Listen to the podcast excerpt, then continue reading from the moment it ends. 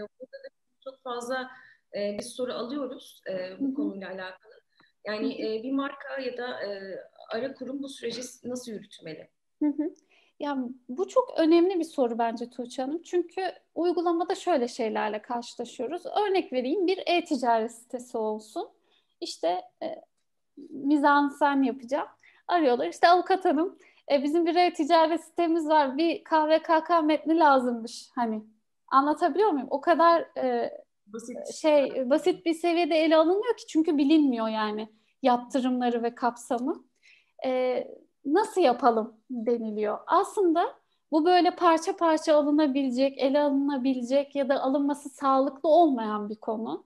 Eğer bir KVKK uyum süreci geçirecekse bu veri sorumluları biz burada e, daha çok şirketler üzerinden gidelim. Hani bu gerçek kişi de olabilir veri işleyen, kamu kurumları da olabilir, e, tüzel kişiler de olabilir, şirketler vesaire. Şirketler üzerinden gidelim. E, artık e, ben KVKK'ya uyum sağlayacağım dediği anda e, tüm süreçlerini e, buna uygun hale getirmesi, kanuna uygun hale getirmesi gerekiyor. Yani e, uygulamada düşünün, olan hayatın akışında bir e-ticaret sitesi olsanız sadece web sitesinde faaliyetiniz yok. Sizin İK departmanınız var büyük olasılıkla. Orada çalışanlarınız var, çalışanların kişisel verileri var. Finans var, belki depo e, departmanınız var. Bir sürü departmanınız var. Pazarlama, özellikle işte dijital pazarlama ve benzeri alanlarda yine bir sürü e, kişisel veri işliyorsunuz, farkında değilsiniz. Dolayısıyla organizasyonel olarak ben ele alınması gerektiğini düşünüyorum. E, bir şirket diyelim, her türlü departmanıyla, bütün e, organizasyon yapısıyla değerlendirilmesi gerekiyor ve her departmanda, her yapıda ne tür kişisel veriler işleniliyorsa tek tek tespit etme, edilmeli, faaliyetleri tespit edilmeli. Ondan sonra artık hani şöyle oluyor aslında bir anlamda fotoğrafını, röntgenini çıkarıyorsunuz bu bunu yaparak.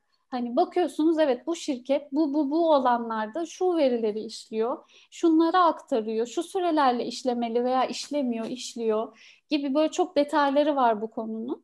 E, fotoğrafını çekmiş oluyorsunuz ve eksikleri görüyorsunuz. Nedir?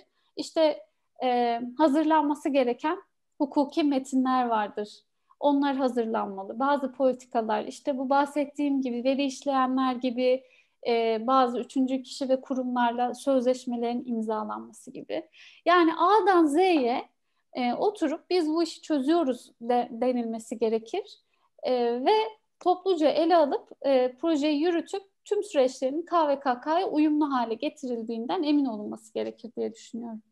Aynen katılıyorum çünkü şöyle şeyler oluyor yani kopyalı yapıştır KVKK evet karşılaşıyoruz. E, aslında bunun hiç e, doğru bir yöntem olmadığını, her evet. kendine göre farklı kapsamlara girdiği için E, o kapsamları belirleyip o maddelere göre e, KVKK metinlerinin düzenlenmesi gerektiğini biliyoruz. E, ama bazen karşımıza çıkıyor. E, o yüzden e, anlattığınız e, çok aydınlatıcı oldu.